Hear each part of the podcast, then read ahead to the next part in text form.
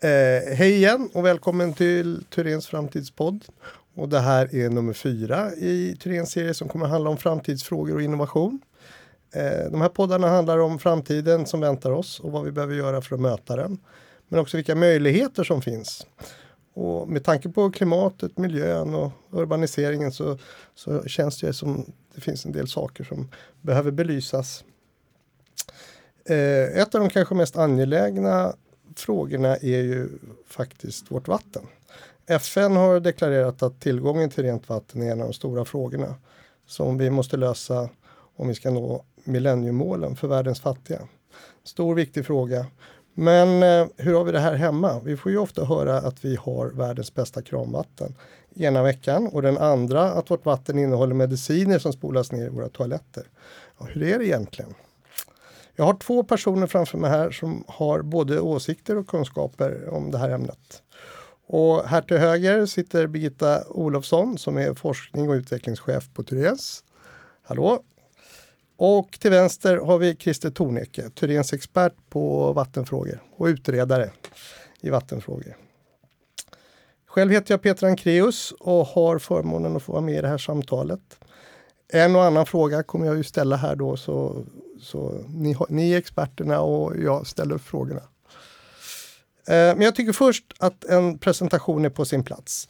Om Birgitta, kan vi inte börja med att eh, du och sen Christer presenterar lite kort och gärna en tanke också om eh, vatten. Vad, vad, hur, hur, tänker ni kring vatten spontant? En tanke, det vore trevligt. Eh, Birgitta, om du, om du börjar, varsågod. Då börjar jag. Mm. Eh, Birgitta Olofsson heter jag och eh, jag jobbar ju idag då med forsknings och utvecklingsfrågor brett inom samhällsbyggandet. Okay. Eh, men jag har min början på vattensidan eh, ja, för mer än 30 år sedan utbildad i teknisk miljövård en gång uppe i Luleå. Så, och sen har jag jobbat ganska mycket med vatten och avloppsfrågor faktiskt. Och sen har det blivit bredare under, under årens lopp. Men det är klart att på något sätt så eh, ligger det där med vatten eh, varmt om hjärtat om man säger så. Eh, och det är klart att eh, ja, det är ju så att eh, luft behöver man och vatten behöver man. Mm. Och utan vatten så brukar jag säga att då, eh, då dör man. Mm. Det är lite hårt sagt kanske men, men någonstans så är det ju så att eh, vi behöver några deciliter, någon liter om dagen eh, in i kroppen så att säga. Men vi behöver ju vatten för väldigt mycket mer också. Vatten är ju inte bara någonting man dricker utan det är också något man badar i, mm. fiskar i. Det kommer som regn och snö, mm. finns i åar, i sjöar, i floder. Mm. Eh, så det är väl ett, ett av de här livsmedia eh, som liksom eh, finns överallt. Eh, och det är ju så att vatten känner inga gränser. Mm. Vatten liksom rör sig eh, fritt utan det är mer hur vi hanterar vatten eller inte hanterar vatten. Mm. Och ibland är det för mycket och ibland för lite.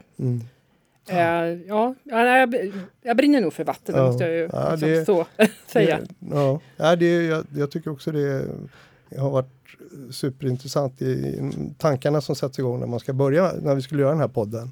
Hur, hur centralt vatten är och hur, hur, vi tar det för givet. Att, och det är ju fantastiskt att man kan göra det, men också att det finns en fara i det. Ja, verkligen. Ja, Christer, berätta lite vem mm. du är. Och... Christer Törnek heter jag. Eh, jobbar på Tyrens eh, sedan eh, ja, är det nio år drygt eh, med olika typer av utredningar om vatten. Ehm, eh, om man går tillbaka lite grann, så när jag var fyra år så, så spolade jag ner min pyjamas i toaletten. Ehm, jag har en tre år äldre bror och vi har likadana pyjamaser och jag trodde att det var hans pyjamas jag spolade ner. Eh, mina föräldrar var väldigt roade när de såg min min när jag, när jag insåg misstaget.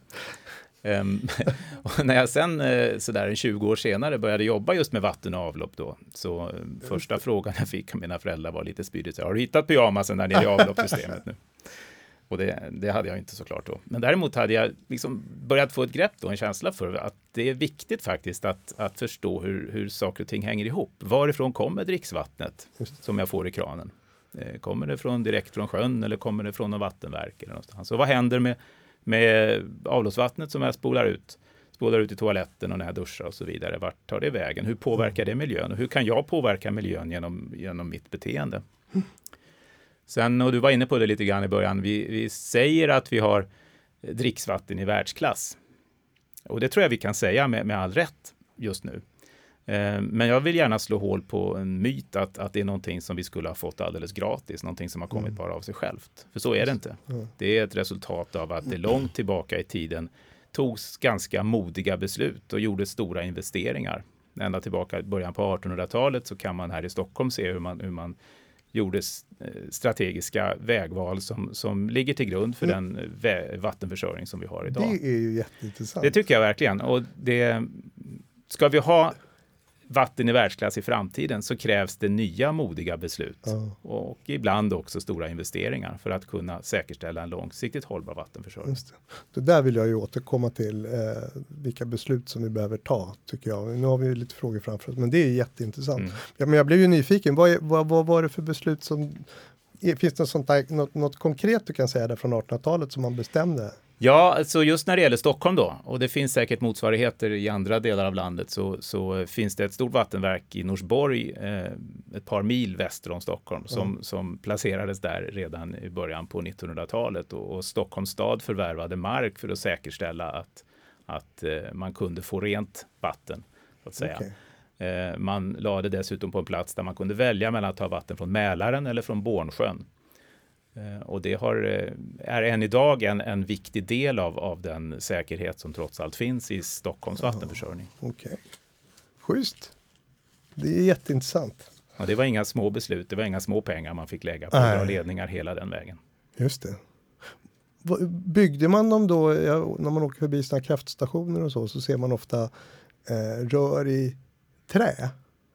Eh, var det så man byggde? Vet du? Nej, ja, inte då. Men längre tillbaka, så, men... längre tillbaka så, så, finns det nog exempel på, på vattenledningar i trä. Men, men eh, det handlade om gjutjärn ofta då, ja, på den tiden. Just det. Men det är ju också så att Stockholmsområdet lever ju än idag väldigt hårt på de planer som lades på 40, 50 och 60-talen för hur vattensystemet och avloppssystemet skulle se ut med tunnlar och anläggningar ja. och så överhuvudtaget. Va? För då tog man ett ordentligt grepp om Stockholmsområdet och såg liksom inte bara Stockholms stad utan det som låg utanför också. Och någonstans så närmar vi oss nu eh, en gräns kan man väl säga när man behöver ta nya sådana stora grepp och en del är man på väg att göra eh, just nu. Man okay. lägger till exempel ner ett avloppsverk i Bromma som har legat där, eh, eller Jaha. planerar för att göra det, ja. och bygger en tunnel till en anläggning som heter Henriksdal i Aha. berget som en stor anläggning. Och det är ett jättegrepp som man har planerat under många, många år och som man nu tar tag i. För det, och det är liksom nästa, nästa steg kan man säga. Men ja. någonstans så är det väl så att de greppen som Christer också pratar om här som man planerade för och gjorde eh, för många, många år sedan. De, de ligger liksom till grund för det vi har idag och det är inte det är inte så att vi kan skrota allting som vi gjorde då, för det, säger man, det är alldeles för dyrt helt enkelt. Mm. Det är jättestora investeringar. Utan vi måste bygga vidare. Men eh, det krävs verkligen att man vågar ta de besluten. Och att man eh, så att säga kan se till att man kan finansiera de investeringarna. Ja. Men då är historiekunskapen lite viktig här, att man faktiskt har lite perspektiv och att man ser tillbaka på hur, hur det har byggts upp som vi har idag. Ja, ja verkligen. Vad är det för eh, när man då, om vi tar det här Bromma som, som exempel. Vad är det som gör då att man tar det beslutet? Är det alltid, är det, är, är det att utrustningen blir gammal eller, eller är det att eh, vad heter det, kapaciteten inte räcker till eller vad, vad är det som gör att man tar beslutet? Just när det gäller Bromma, om jag får bryta in där, så, ja. så eh, byggde man ju redan på 90-talet en, en tunnel som ledde ut det renade avloppsvattnet från Bromma ut till Saltsjön. Okay. Eh, så att det, det är ju redan gjort en gång.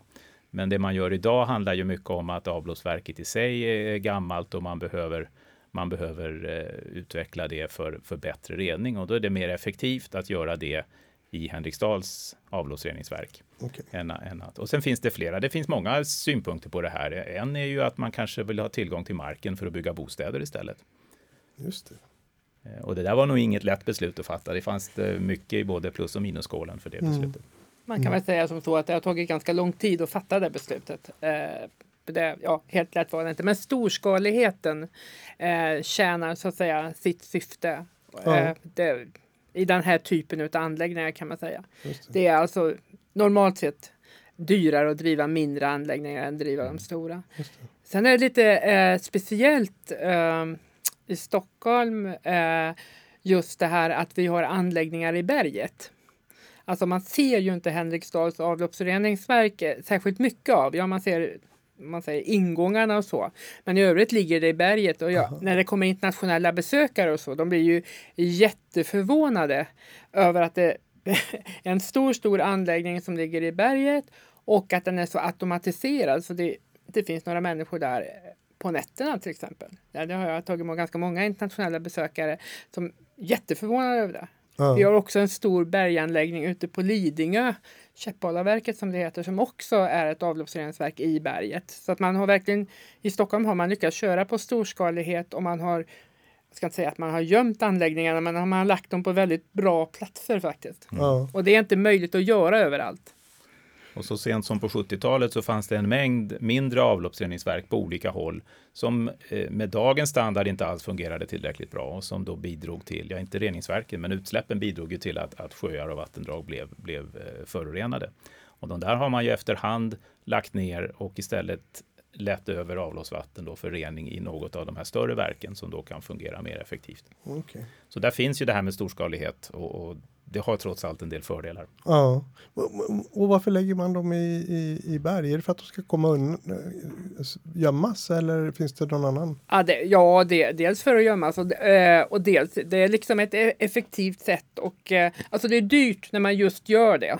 Men när man väl har fått anläggningen där så stör den ju i princip ingenting. Man kan ju bygga på berget liksom. Det har man ju också gjort så att man frigör massor med ytor för att vara, vara, vara nere i berget. Sen vet jag inte, Christer, från början liksom varför man kom på att man skulle lägga i berget. Det har jag ingen aning om. Vet du det? Nej, jag kan inte svara på det heller. Det var i alla Nej. fall smart. Ja, ja man verkligen. Man, konstatera. behöver inte skrapa fönster och sånt. Nej. Nej. Nej, det behöver man inte.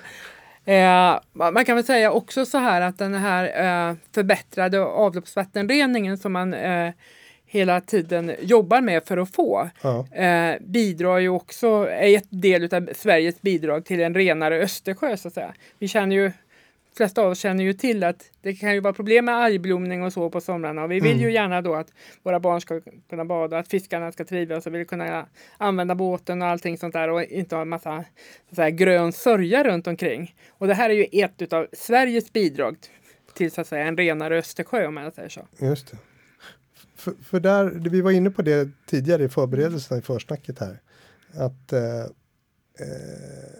vi, vi bidrar ganska lite med föroreningar. Men att man har ett, hittat ett sätt att samarbeta kring Östersjön som inte är land, det är inte bundet till länder. Och det här Nej. hade jag inte hört. Det tror jag är väldigt intressant. Nej, det är ett regelverk som finns inom, inom EU som, som går ut på att man ska ta hänsyn till hur vattnet rinner och inte till de administrativa gränserna. Eh, och planera för, för, eh, för vatten och för de åtgärder som behövs eh, utifrån från de, områden, de avrinningsområden där vattnet samlas. Eh, Och det här är ett sätt att jobba som har funnits nere på kontinenten under en ganska lång tid. Men när det, när det togs i EU så, så var det åtminstone för svenska förhållanden något, ett nytt sätt att jobba. Okej. Men det håller på att märkas mer och mer även i hur vi arbetar med vatten i Sverige. Då. Be- nu får ni rätta mig för jag kommer säkert ha fel. Men betyder det att man, eh, man, man, man samlas och sen så har man tagit av sig sin nationalitetsflagga så att säga och alla har med sig en viss påse pengar och sen så bestämmer man tillsammans. Ja, men där i Polen för att ta ett land. Där behöver vi göra saker och sen så hjälps alla åt för att åtgärda, åtgärda ett utflöde som råkar ligga inom gränsen, in, inom Polens gränser. Ja, alltså så det, det är ju grundprincipen. Eh, sen, sen jobbar man ju ändå väldigt mycket nationellt. Men, men grundprincipen är ju att man då försöker att använda resurserna där de gör mest nytta, där man får mest miljönytta för pengarna så att säga. Och det kan ju innebära att för samma pengar som man eh, bygger ett eh, avloppsreningsverk i Sverige så kanske man kan, kan få en bättre eh, bättre effekt om man, om man investerar de pengarna Ja. i Polen istället. Om man nu ser till Östersjön. Så att säga. Men så det. finns ju också ett lokalt reningsbehov som man inte kan, kan tumma på. Så att, så att eh, det, är ju, det är ju kanske inte fullt så enkelt. Nej, nej. Men i Sverige innebär det också att, att man ibland då kan, kan bortse från kommungränser och se att, att eh, flera kommuner som ligger i samma avrinningsområde eh, ändå behöver samverka för att gemensamt få, få till de bästa åtgärderna för att eh, undvika föroreningar av, av, vatten som rinner i från det området. Ja, det är ju fantastiskt. Jag, jag trodde ju att vi höll på att eh, rena promillen här i, i, i Sverige medans det, det, det gjordes väldigt lite i Polen och det rann rakt ut. Men det är ju jätte, det är jättebra att veta det. Eh, Fast till, till, till viss del har du rätt Peter. Eh, fast du kanske eh, ligger några år tillbaka i tiden om man ja. säger så. Nej, men, faktum var ju det att när eh, om man säger forna Östeuropa blev fritt om man säger där 1990 eh, så. Mm. Eh, då fanns det ju väldigt mycket eh, miljösynder och bland annat på avloppssidan. Okay. Så då var det ju många av de större städerna i både Ryssland och Baltikum och Polen och så, som släppte sitt avloppsvatten eh, i princip rakt ut. Och då togs det ju ett samlat tag så att säga, så att då gjordes det väldigt många in investeringar i de städerna istället för att göra som man säger på våran sida om Östersjön. Just för att få upp dem på banan om man säger så. Så att det byggdes ju ganska många avloppsreningsverk där under 90 och början 2000-talet eh, som eh, vi inte ser egentligen resultatet av i Östersjön nu, för det är så långa tidsförlopp, ja. utan det är kanske om 50, 60, 70 år som man får den eh, ordentliga effekten utav det. Eh, man kan väl säga den eh, sista stora staden som jobbar på det här runt Östersjön, det är ju Sankt Petersburg.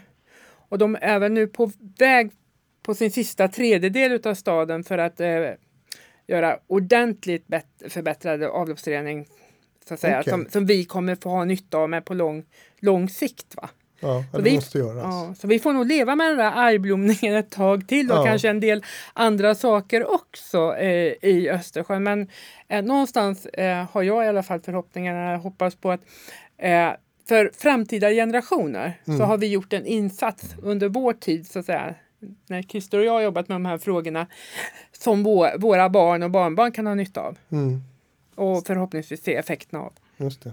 Sen får man ju komma ihåg att det är ju annat än avloppsvatten ja. också som påverkar Östersjön. Alltså man ja, har ju, man, ja, precis. Och, och mycket annat. Ja. Och det, det, men det här är ju en del, en viktig del av de åtgärderna som behöver göras. Ja. Har, har, ni, med tanke på, Ryssland är på tapeten, har, har ni, ni, hur ser samarbetet med Ryssland? Är, är, är de med i den här gemenskapen som vi pratar om nu på, på samma sätt som de länderna som är anslutna till, till EU eller, eller finns det? Nej, Ryssland står utanför det samarbetet, men sen finns det ju ett samarbete kring Östersjön specifikt eh, som, eh, som fungerar på ungefär samma sätt. Ja.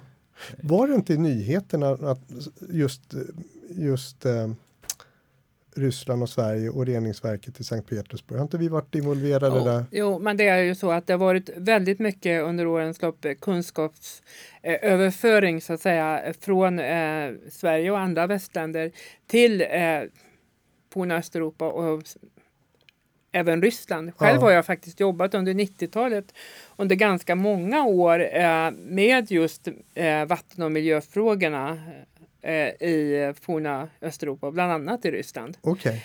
Jag kan väl någonstans känna att eh, det fanns en större aktivitet och vilja, om just tar Ryssland, från rysk sida då på 90 och början 2000-talet än vad det kanske eh, finns idag. Å andra sidan ska man säga att vad heter det, eh, om jag återgår till Sankt Petersburg avloppsvattenreningen där, så eh, när de tog så att säga den andra steget i, i den planen så gjorde ryssarna det ganska mycket själva, i och för sig med, okay. jag tror, kinesisk finansiering och så. Men då gick det ganska fort också. Okej, okay. bra. Ja, vi, ja, du ser, nu blev det stor politik. Mycket i den här podden. Mm. vi har ju varit inne på, på administrativa gränser och så. Eh, hur, om man tittar i kristallkulan lite. Är det alldeles självklart att, eh, att vattenverk och vattenreningen att det ska vara kommunalt som det är idag? Är det någon som tänker i några andra banor, privat eller? Jag tänker väl så här att, att det är eh, nödvändigt tror jag att det finns ett allmänt ansvar för att planera för vatten och avloppsförsörjning. Um, sen i vilken utsträckning det ska vara just kommunen uh, kan man ju diskutera. Mm. Um, det är ju inte idag heller så att, att uh, kommunen ansvarar för vattenförsörjning och avlopp ute på landsbygden, utan det är ju avgränsat till tätorterna och ganska väl definierade gränser för det. Okay. Uh, så den som bor ute på landet och brunnen sinar och ringer kommunen och säger att nu vill jag ha vatten här, kanske blir besviken när de inser att det är inte kommunens ansvar med nödvändighet. Eh, men däremot finns det ju ett, ett, så att säga, ett gränsland där det, där det här kan bli problematiskt därför att eh, människor kanske flyttar ut i fritidshusområden och bosätter sig permanent och plötsligt så uppstår ett behov där av att, att lösa vattenförsörjning och avlopp på, på ett samlat sätt och där, där kommunen inte tidigare har haft ansvaret. Mm. Och det finns många sådana här områden som man diskuterar idag hur man ska lösa och vem som har ansvar för det. Just det. Sen i andra änden kan man säga att ibland räcker det inte med kommunalt ansvar. Om vi pratar Stockholmsregionen så är, ser jag det som en självklarhet att man måste ta ett regionalt ansvar för att säkerställa vattenförsörjningen i framtiden och det gäller flera storstadsregioner skulle jag säga. Eh, och där kan inte varje kommun ensam fatta de besluten därför att man är en del i ett större system. Så ibland är kommunen för liten och ibland är kommunen kanske lite för stor för, för att ta mm. ansvaret. Mm. Men jag tror att det behövs ett allmänt planeringsansvar, att säga, att planera för Från kommunens sida? Ja, det tror jag. Ja. Jag kan väl se det som så att vad heter, det um, Sverige är ett ganska stort land. Uh, vi bor liksom ganska koncentrerat och än mer koncentrerat. Och eh, där uppstår vissa problem och så kan man säga då att på landsbygden uppstår andra problem. Det är få personer så att säga som ska bära de, de, den drift och underhållskostnad, de investeringar som behövs och så. Och eh, vatten är ju som inte det är, ja, det är ju na något naturligt som man har tillgång till men man måste ju som Christer sa innan då, hantera det för att kunna nyttja det för de be behov vi har. Och någonstans så kan det ju vara så att man kanske skulle behöva ett statligt eller ett nationell planeringsnivå eller något sånt. Kanske inte räcker med den här avrinningsområdesbaserade utan man behöver ta tag i det på ett annat sätt just därför att det faktiskt kostar en del pengar också. Mm. Och idag finansieras ju via verksamheter via avgifter, vilket är en bra grund så att säga. Men man kanske kan behöva i, i klimatförändrings... Om man tittar på klimatförändringar och så, så händer ju ganska mycket ganska snabbt. Alltså man blir ju förvånad mm. över vad som händer. Och just utifrån den synpunkten också, så, eller synvinkeln, så kan det också vara så att man kan behöva eh, lyfta liksom, eh, blicken. Sen eh, om det drivs i kommunal regi, regional eller, eller statlig, liksom, som man gör, det kan man ju diskutera. Och det kan ju faktiskt också vara så att vissa delar, och det görs redan idag, men eh, kanske än mer i framtiden, så kan det ju vara bra liksom, med, med och, att ha lite benchmarking och så med privata ja. eh, aktörer också det, det, det är ju jätteintressant. Finns det, ja det gör det väl i USA, är väl, är väl det privat? Eller, har, finns det några exempel på privata? Ja, det är mer England. England är ganska privatiserat på, på, på va-verksamhetssidan och det finns inte, det är inte bara positiva delar med det heller. Nej. Men någonstans eh, känner jag att eh, Alltså ju, ju fler möjligheter som finns och att man verkligen ser eh, vatten som någonting som man måste tänka på eh, och jobba med utifrån en gemensam syn eh, så kan det också öppna för olika möjligheter till finansiering och olika möjligheter till, till att driva det och så också. Mm. Jag tror att man ska vara man ska vara lite öppen för att det behöver det är inte helt givet att det ska vara idag som det var igår. Ja, just det. Absolut. Och tittar man runt i Europa så kan man ju se en hel del olika typer av lösningar. Och det kan ju också vara, vara har vuxit fram utifrån behovet som, som finns. Om man ser till, jag pratade med, med en eh, eh, representant från eh, Rorområdet där man, där man har en organisation som är just avrinningsområdesbaserad. Alltså Ro, floden Rors avrinningsområde. Det var ju en väldigt akut situation i början på 1900-talet. Och då bildades en organisation som tog ett helhetsansvar för vattnet i området och som då såg till att det fanns vatten i, i reservoarerna, i, i biflödena så att man kunde få eh, bereda dricksvatten, men också tog ett ansvar för reningen av avloppsvattnet ja. inom hela området. Organisation, var det, det var, var det frivilligt eller var det ett företag? Eller var Nej, det... den tillkom ju genom lagstiftning. Ja. Det är ju, eh, så det är ju okay, en, så det var, de var statlig eller ja, kommunal? Enligt den delstaten då som fanns i ja, början på 1900-talet. Ja. Ja, det är, jag tror det är jätteviktigt som du säger Birgitta, att man bara för att det har sett ut på ett sätt så behöver det inte vara så imorgon. Eh, verkligen. Eh, ja. Eh, jag har en, en, fråga till och det är eh, alla städer har ju ytvattentäkter. Eh, och vattnet hämtas då från sjöar och så renas det och distribueras sedan ut. Eh, vad händer nu när, vi pratade om det på vägen hit, alltså vad händer med, med vattenkällor som är öppna så att säga, där man inte hämtar ner i, där det inte har silats ner genom de jordlagen. Ser, ser ni någon, någon fara i de här öppna? Kommer det ställa större krav på, på reningsverk och eller ja just det, reningsverken till, som, som vi får in när vi får in vattnet? Det är väl så att det eh, ganska många av våra större städer i Sverige har ytvatten eh, använder ytvatten, men inte alla. Eh, de som kan, de har försökt att använda grundvatten. Eh, att man försöker använda det vattnet som har gått ner i backen, det beror på att det är kallare.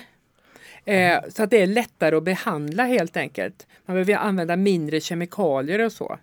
Eh, men det finns ju eh, både i Sverige och internationellt inte tillräckligt med vatten så att säga, som man kan hämta upp nerifrån marken. Utan då, därför måste man använda ytvatten. Det är liksom eh, det som eh, ja, det, det som sätter gränsen om man äh, säger så. Eh, och det är klart, det är svårare att hantera ytvatten än att hantera grundvatten. Ja. Eh, men man har, inte en, man har egentligen inte ett fritt val där utan det, det är de naturliga förutsättningarna som eh, sätter gränser. Va? Sen finns ju en mellanvariant som är lite intressant mm. och som förekommer på, på en hel del håll som kallas för konstgjort grundvatten. Där man alltså tar ytvatten och, och eh, infiltrerar det i en grusås eller på någonting och, och, förstärker på det sättet det grundvatten som finns och ökar på mängden. Eh, Södertälje har exempelvis vattenförsörjning som är baserad på det. Jaha. Och det är ett sätt att utnyttja fördelarna, tillgången med ytvatten och, och de så säga, hygieniska fördelarna som grundvatten har. Eh, men alla system har sina begränsningar och sina svagheter. Ja, eh, och så är det ju här också. Får man en förorening i, i, en grusås där man hämtar vatten så, så, kan man ju inte använda det som dricksvatten då. Och då behöver man ändå kanske rena det med, med samma typ av teknik som man använder för att rena ytvatten. Just det. För, för visst är det väl så att vattnet som hämtas, som hämtas från grundvattnet, det måste väl vara renare än det som hämtas från en sjö? Ja, absolut. Det är, I de allra flesta fall är det så. Ja, det. Eh, och det är därför det är helt olika teknik att bereda dricksvatten ifrån från, eh, från sjövatten jämfört med grundvatten. Mm. Det är ju också så att i Sverige har vi, även, även om vi använder ytvatten då, så har vi ju ganska bra ytvatten om man jämför med till exempel eh, ta Holland då, mm. eh, som använder liksom eh, flodvatten i grunden. Man måste liksom ner med det i marken. Man behandlar det med kemikalier kanske sex, sju gånger innan man kan dricka det. Va? Ta Amsterdam är ett sådant exempel. Va? Okay. Eh, så att man kan väl säga det att när det gäller just dricksvattensidan så är det väl så att vi använder ganska mycket reningstekniker och så som kommer eh, utomlands ifrån. Medan om vi tittar på avloppssidan så är ju Sverige mer ett föregångsland Aha. även när det gäller reningsteknik. Så det skiljer lite grann. Okay. Och, och, det, har ju all, det har ju att göra med naturliga förutsättningar. Ja. Just det, och då kommer vi in på, på ett angränsande ämne och det är ju eh, klimatförändringarna. För jag tänker om det är, är ytvatten vi pratar om eftersom det blir, kommer bli mer torka och, det kommer, och sen kommer det bli fler skyfall eller extrema mm. vattenmängden som mm. kommer. Finns det, det här, har man med sig det här nu? Börjar det sätta sig hos beslutsfattare och, och så när man, när man planerar för? Det är väl absolut på väg. Många kommuner har ju eh, ett medvetet arbete med klimatanpassning. Sen handlar det väl om att, att det behövs mer kunskap om vad det egentligen är som behöver göras. Vad är, det, vad är det för hotbilder som man ser av ett förändrat klimat? Och det finns ju på så många olika sätt. Det finns ökade översvämningsrisker. Eh, det finns risker för, för att just översvämningarna ska påverka eh, vattentäkterna med, med föroreningar. Eh, men det finns ju också risk, ökad risk för torka. Det. Och det drabbar ju kanske då i första hand grundvattenförsörjning. Så både grundvattnet och ytvattnet är ju faktiskt sårbart när det gäller klimatförändringar. Just det. Men det är väl så att vad heter det, det har hänt en del på liksom förståelse för klimatfrågan och, vad det innebär, bland annat eh, när det gäller vatten då, de senaste tio åren. För om vi backar tio år och funderar på när, när man skulle planera en ny stadsdel eller ett nytt område eller ta hänsyn till någon å som låg intill och så. Då var det ganska svårt för de eh, så att säga, VA-människor som jobbar med de här frågorna att komma fram och förklara för stadsplanerarna att bygg inte där och bygg inte på det där sättet. För det du riskerar översvämningar och du kommer, kan komma få problem framöver. Och där känner jag att det har blivit en betydligt, precis som Christer säger, en betydligt större förståelse för det. Okay. Men det innebär ju inte då att, eh, att man har nått ända fram så att säga. Utan här finns det väldigt mycket att fundera på, över kan man säga. Och det finns ju många som, eh, jag tror det var Härryda kommun, var förra året eller för, förra året. De hade väl aldrig överhuvudtaget tänkt, en liten kommun utanför Göteborg, att de skulle liksom få så himla mycket eh, vatten runt fötterna eller långt upp på knäna någonsin. Det fanns inte, liksom inte deras fantasi. De fick en ordentlig översvämning. Och då be, berodde ju inte det på att de var dåligt förberedda eller så. Det var bara det att det scenariot, det kom så otroligt mycket vatten på en gång. Och det scenariot kunde man inte ens man hade inte kunnat tänka sig det. För det är ju så att det blir torrare och så blir det väldigt mycket mer vatten väldigt snabbt. Liksom. Häftiga regn helt ja. enkelt. Va? Och det är väl någonting som eh, nu så att säga verkligheten verkligen har visat de senaste tio åren. Det kommer ju både här och var. Eh, och det får ju upp planeringsnivån och inte bara bland de som jobbar med vatten utan även då i samhälls, ja, samhällsplanerare och bland politikerna. Och det är ju där det absolut viktigaste är, så att säga. Man måste få en förståelse för att klimatförändringarna påverkar väldigt mycket. Allt från vattenkvalitet till var man kan bygga någonstans. Mm, just det. Men det, det är lite... Vem, vem vem eh, vem driver de här frågorna? Det kan ju vara intressant. Alltså, hur gör man för att få, få politikerna att förstå det här? Alltså måste det till en översvämning för att det ska gå upp ett ljus eh, i Rosenbad? Eller, eller, eller, eller finns det, gör ni någonting för att påverka beslutsfattare? Eller, eller hur, hur går det till? Det händer. Det, det, jag kan eh, nämna ett exempel som, som vi har pratat en hel del om. Eh, det, finns, det finns en eh, sjö i eh, i eh, Stockholms län, i Sörmland, som heter Yngern, som, som länge har pekats ut som en, en lämplig eh, vattenresurs som skulle kunna vara en reservvattentäkt till exempel. Ehm, och den här, den här sjön ligger i eh, Nykvarn som är en liten kommun och som inte själv har varken resurser eller kanske ett eget behov av att, att, eh, att arbeta med, med Yngern som, som en eh, vattenresurs och, och skydda den Eh, Eh, med, med, regler och föreskrifter för att den inte ska förorenas av andra aktiviteter. Det här är ju snarare en, en, en angelägenhet för, för de större kommunerna som ligger runt omkring och kanske för hela Stockholmsregionen. Eh, och det finns väl egentligen inte någon som tycker att det här är, fel. Alltså man är överens om att det skulle vara bra att, att säkerställa att eh, sjön Yngen skyddas, att den är tillgänglig i framtiden som en vattenresurs. Men, men det är ändå ingen som tar initiativ.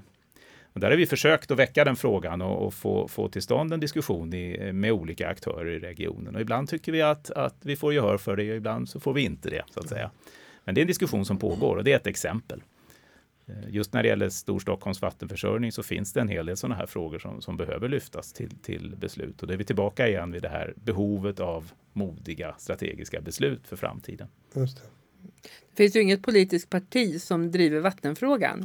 Mm. Eh, vattnets parti, nej det finns inte än. Nu kanske, säger du något. Kanske finns det i framtiden. kan börja här. det är kanske är det vi kan börja med. Ja. Nej, men någonstans så är väl, eller det är så att vattenfrågan är en eh, svår fråga, eller ingen lätt att fråga i alla fall och kommunicera när det funkar som normalt. Liksom. Mm. Utan det är ju först när det blir liksom kris och det händer någonting. Då kan det komma upp politiska mm. debatten. Men vi är ju inte där som järnvägens störningar är än, vi pratar om det uh, Utan det är ju liksom, vad heter det, uh, vi får väl se om vi kommer dit någon gång. Mm. Men, men uh, det hade ju verkligen inte gjort någonting om vi, inte, om vi hade haft några så att säga, politiker och så som verkligen lyfte eh, den här typen av fråga. Mm. Eh, och vi jobbar ju utifrån våran lilla möjlighet att påverka. Men mycket ni, vi kan från Tyrens runt omkring just det. Men, men är ni på äh, tjänstemän och så och, och säger hallå, titta på det här? Eller hur, hur går det till rent praktiskt? Alltså, ja, det är väl det där som är en, en eh, en svårighet därför att vi är ju inte en aktör som man som, som politiker Nej. lyssnar på. Nej. Utan, utan vi har ju möjlighet att påverka i en mängd små uppdrag där vi jobbar med våra kunder och då är det ju tjänstemän i, ofta i kommunerna. Det kan vara andra organisationer, det kan vara eh, andra offentliga organisationer och för all del också privata företag naturligtvis som vi jobbar med. Där vi lyfter fram det som vi anser vara viktigt. Sen, sen är det ju naturligtvis, ibland så kommer vi in i uppdrag som direkt handlar om att, att eh, planera för kommunen, eh, upprätta olika typer av vattenförsörjningsplaner och VA-planer ja, och allt vad det kan heta. Och då ingår det ju där också i de projekten att kommunicera med beslutsfattarna. Just det. Och då blir det en rekommendation. Jag förstår nu när jag ställer frågan att det är klart om ni skulle börja säga men ni måste göra det här, att man då tycker att ni pratar i egen sak. Ja, vem är du? Ja, just det. Ja, dels det. Och så, ja, men du jobbar ju med det här, det är klart du vill det. Mm. Eh, men, men, men jag, eh, alltså någonstans så, ska man, eh, så kan man faktiskt göra det och ändå bli någorlunda så att säga, seriöst behandlad. Ja. Sen ska man inte förringa de här vanliga uppdragen vi gör, de här små grejerna. För någonstans, eller små delarna, kan man inte små grejer utan små delarna. För att liksom många bäckar små ger liksom effekt på, på sikt. Så är det. va. Det. så att jag, jag på det sättet kan jag känna att de som jobbar i vattenbranschen, i VA-branschen, har en verkligt stor möjlighet att påverka samhället och samhällsbyggandet eh, i stort på längre sikt. Liksom. Mm. Men det är ett långsamt nötande om man uttrycker det. Och mm. ibland skulle man ju önska att det fanns lite mer barrikad... barrikadsaker man liksom kunde få upp så. Och där kan jag tycka att det finns en, en tendens i, i vårt sätt att tänka i samhället som skrämmer mig lite grann. Att, att ju längre bort ifrån skruvar och muttrar man kommer, eller ju längre bort ifrån pumpar och rör man kommer, mm. då, desto finare är det på något sätt. Mm. Den här övergripande planeringen är finare än att jobba med den, den, den handfasta tekniken. Eh, och väldigt mycket av det vi jobbar med är ju grundat i att man faktiskt tar fram ritningar och, och, och ger förslag till hur man ska lösa konkreta saker och se till att ge plats för vattnet i olika skeden i samhällsbyggandet. Och det är en väldigt viktig del och man får, får, inte komma ifrån det. Och det märker vi också när vi, när vi försöker rekrytera människor och hitta de som vill jobba med pumpar och rör. Det är inte så lätt. Det är lättare att hitta människor som vill jobba med mera högtflygande planer. Ja, ja du ser. Det måste till en katastrof innan det blir eh, aktuellt. Men jag, jag tänkte på det här med att påverka. Då tänker jag att Sven Thyréns stiftelse, ni har ju en del forskningsprojekt på mm. gång. Kan man, använder man inte dem som, en, eh, som ett eh, slagträ? Jag menar, för då är det ju ändå vetenskap, man tar reda på någonting och något som ni tycker är angeläget och man kan belägga det. Jobbar ni med, ni jobbar med en, en del med, med vattenfrågor i, där ni har ja, det gör stiftelsen? Vi. Och, och, som...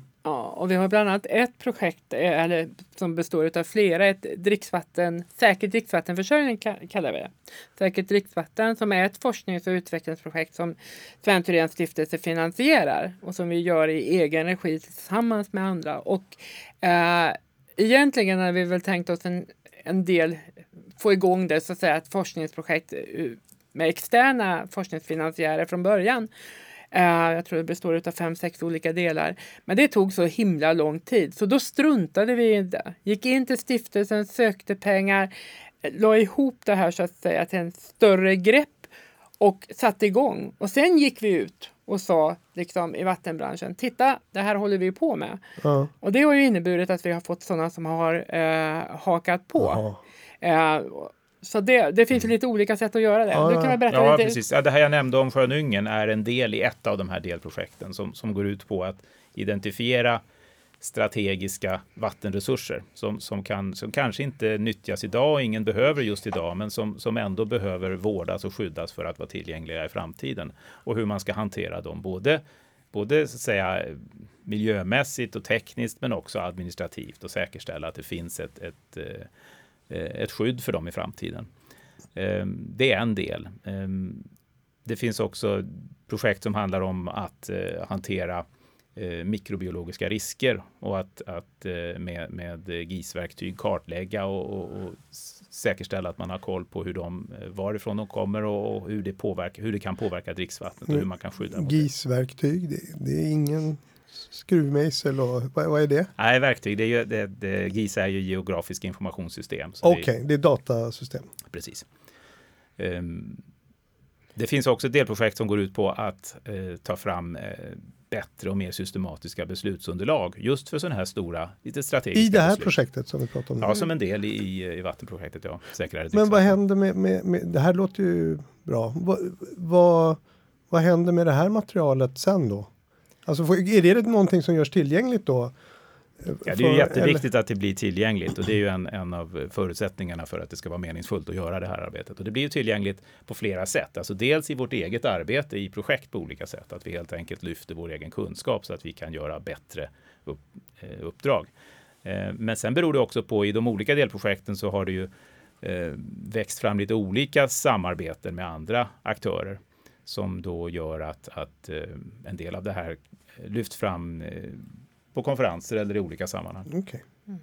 Det är ju en av våra krav eh, när det gäller just stiftelsefinansierade projekt. Det är att det ska komma så att säga, till affärsnytta mm. eh, på ett eller annat sätt och så kan det vara på eh, kortare eller längre sikt. Vi har ett annat forskningsprojekt som inte ligger inom säkrare dricksvattenförsörjning där eh, Örebro universitet via finansiering från KK-stiftelsen eh, studerar så att säga framtida miljöproblem, vad som finns i avloppsslammet eller kan finnas i avloppsslammet framöver och vad, vad som också kan finnas i vatten, alltså sådana föroreningar som vi inte känner till egentligen. Okay. Eh, och det är ett eh, forskningsprojekt som vi har hakat på med finansiering från Sven Thyréns stiftelse för att säga, ta de eh, de nya kunskaper som kommer fram i den här ganska vetenskapliga forskningen då och omsätta det till vår värld och till våra kunders värld på det sättet att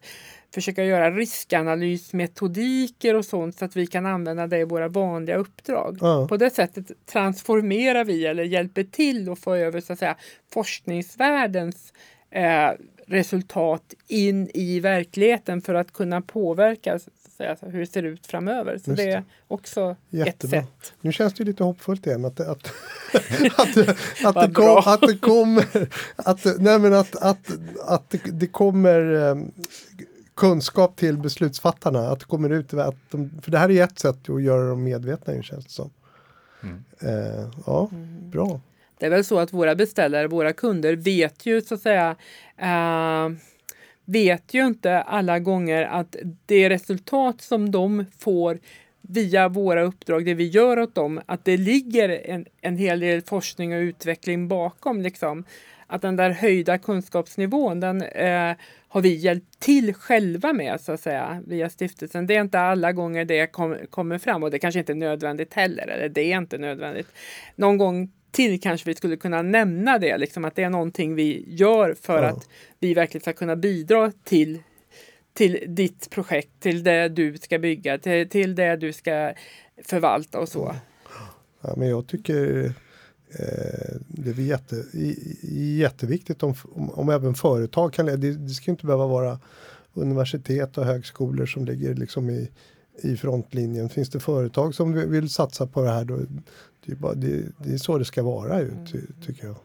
Det är ju också så att när man tittar idag på hur det ser ut i Sverige med, om vi tar rent generellt, med forskning och hur akademin jobbar och så, så är det ju så att det har ju varit en period när det har varit eh, inte helt lätt om vi säger så, att få forskningsmedel till eh, akademin. Nu har eh, förra regeringen och nu den som driver landet nu då eh, så att säga satsat ganska mycket mer pengar och just inom samhällsbyggnadssektorn också. Eh, och det är jättebra. Men den period som har varit under 20-30 år någonting har gjort att många av dem som så att säga utbildade som forskare i akademin, de har inte stannat i akademin utan de, har, de jobbar idag i näringslivet. Så att det finns lika mycket forskningsresurser, alltså kunskap hos personer i näringslivet som i akademin. Eh, hörde jag häromdagen när några hade tittat på det där. Och det är liksom en situation som man kanske inte, man tänker inte på den i första Nej. hand om man säger så. Men då vill man ju att företagen då ska vara lika benägna att satsa pengar på, Mm. jag, jag tänker på att det ska vara ge korta, ska vara, det, det är kortsiktigt ekonomiskt och så att det kanske inte finns alltid. Ja, det är ju så. Men samtidigt är det ju så att vad heter det, så som de statliga forskningsmedlen idag eh, används eller ska användas så att säga via forskningsfinansiärer som Vinnova och Formas och så, så är det i princip alltid ett krav på ungefär 50% finansiering från näringslivet. Okej, Och det är ju för eh, Dels för att pengarna behövs naturligtvis, men, men också för att lyfta så att säga, det svenska näringslivets möjlighet till att utvecklas och att bli en ännu större aktör internationellt, alltså exportmöjligheter. Det är liksom, så, att, så att det finns ett eh, tydligt, eh, åtminstone på pappret och nästan i verkligheten, väldigt nära samarbete mellan akademin, forskningsfinansiärerna och näringslivet eh, som inte fanns på liknande sätt för 30-40 år sedan. okej, bra. Men är, är, inte, är inte det en bra eh, avslutning? Va? Är vi nöjda? Ja, jag är jättenöjd. Ja, jag tycker det här Hoppas varit du är nöjd. Ja, jag är jättenöjd. Det är lika intressant varje gång. Tack så mycket för att eh, jag fick vara med. Tack Peter. Tack så mycket.